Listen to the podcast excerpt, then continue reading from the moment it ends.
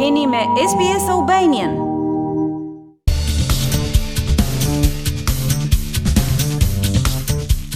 Sindroma e lodhjes kronike është një sëmundje që prek mbi 250.000 australianë dhe hulumtimet e fundit kanë zbuluar se 75% e tyre janë gra.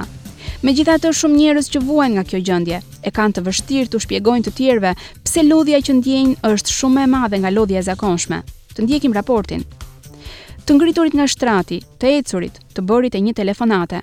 Këto janë aktivitetet elementare që për dikë si Maddie Shields, e cila është diagnostikuar me encefalomielit mialgjik, janë krejtësisht rraskapitëse. It's actually forced me to quit some of the things that I really like to do, just purely based on the fact that I'm so exhausted and I'm so fatigued after a day.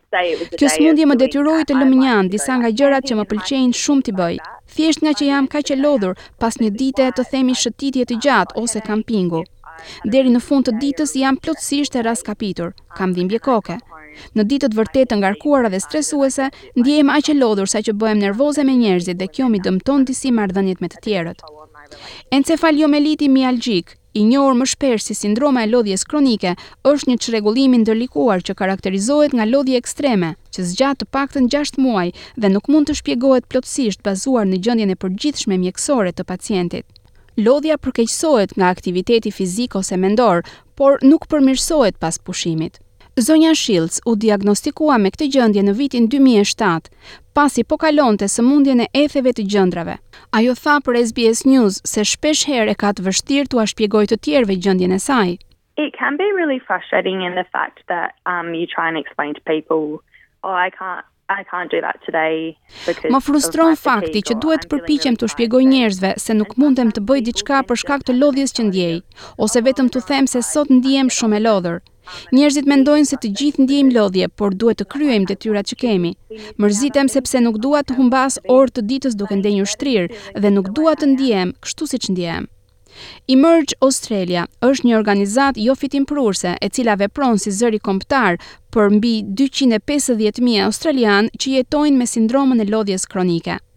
Doktor Richard Schloeffel është drejtori i organizatës dhe është vlerësuar me Medaljen e Urdhrit të Australisë për punën e tij mbi sëmundjet kronike dhe infektive. Ai tha për SBS News se sindroma e lodhjes kronike shpeshherë nis si një sëmundje post-virale. It seems to start in a group of people that may have had an infection or some sort of trauma. Duket se fillon në një grup njerëzish që kanë kaluar një infeksion. Nis me një sërë simptomash lodhje, dhimbje koke, dhimbje trupi, gjumë i shqetësuar dhe një sërë simptomash të tjera trupore nga të cilat pacientit i duket se nuk po shërohet. Për këtë grup simptomash nuk gjendet asnjë shkak tjetër, çka e vështirëson diagnostikimin. Drejtuesja e organizatës Emerge Australia, Anne Wilson, thotë se gjëja më e rëndësishme për njerëzit që jetojnë me këtë sëmundje është të marrin një diagnozë të saktë që në fillim, gjë që është tepër e vështirë. We have no diagnostic biomarkers, there are no tests that can tell you early on in the piece whether you've got Për fat të keq, ende nuk kemi analiza që mund të tregojnë që në fillim nëse vuani nga lodhja kronike dhe as nuk ka trajtime. Kështu që kur njerëzit ndihen shumë të sëmurë, më e mira që jeni në gjendje t'u sugjerojmë është ta kurseni këtë energji, sa më shumë që të jetë e mundur, sepse lodhja kronike është një sëmundje neurologjike shumë komplekse, që prek shumë pjesë të trupit, duke përfshirë trurin, muskujt, sistemin tretës, atë imunitar dhe sistemin kardiak. Hulumtimi i fundit i organizatës Emerge Australia ka zbuluar këtë javë se afërsisht 75% e njerëzve të diagnostikuar me sindromën e lodhjes kronike janë gra.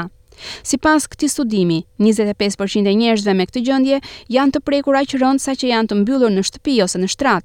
Dhe megjithatë, për fat të keq, sëmundja shpesh anashkalohet nga sistemi shëndetësor. Tragically, many women are made to feel as though it's Tragjikisht, shumë gra janë bërë të ndihen sikur sëmundjen e kanë shpikur, dhe në fakt nuk ekziston. Dhe kjo është kryesisht për shkak se njerëzit nuk dinë si ta trajtojnë këtë sëmundje. Është një sëmundje që me të vërtetë kërkon investime për t'u investiguar më tej. Si mësuese e shkollës fillore, zonja Shields thotë se shpesh i duhet të punojë dy herë më shumë se kolegët e saj për të mbajtur ngarkesën e punës.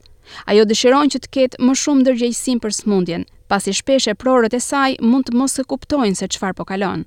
You can just feel really guilty that you're not kind of doing what you should be doing in your role. Më bën të ndihem vërtet fajtore që nuk arrij të bëj maksimumin në punën time. Dhe mendoj se ndonjëherë eprorët ose njerëzit përreth na ngarkojnë me një ndjenjë faji, sikur nuk po bëjmë mjaftueshëm. Duhet të përpiqemi të largojmë stigmën se ne që vuajmë nga kjo sëmundje nuk jemi dembelë. por në fakt sëmundja është reale.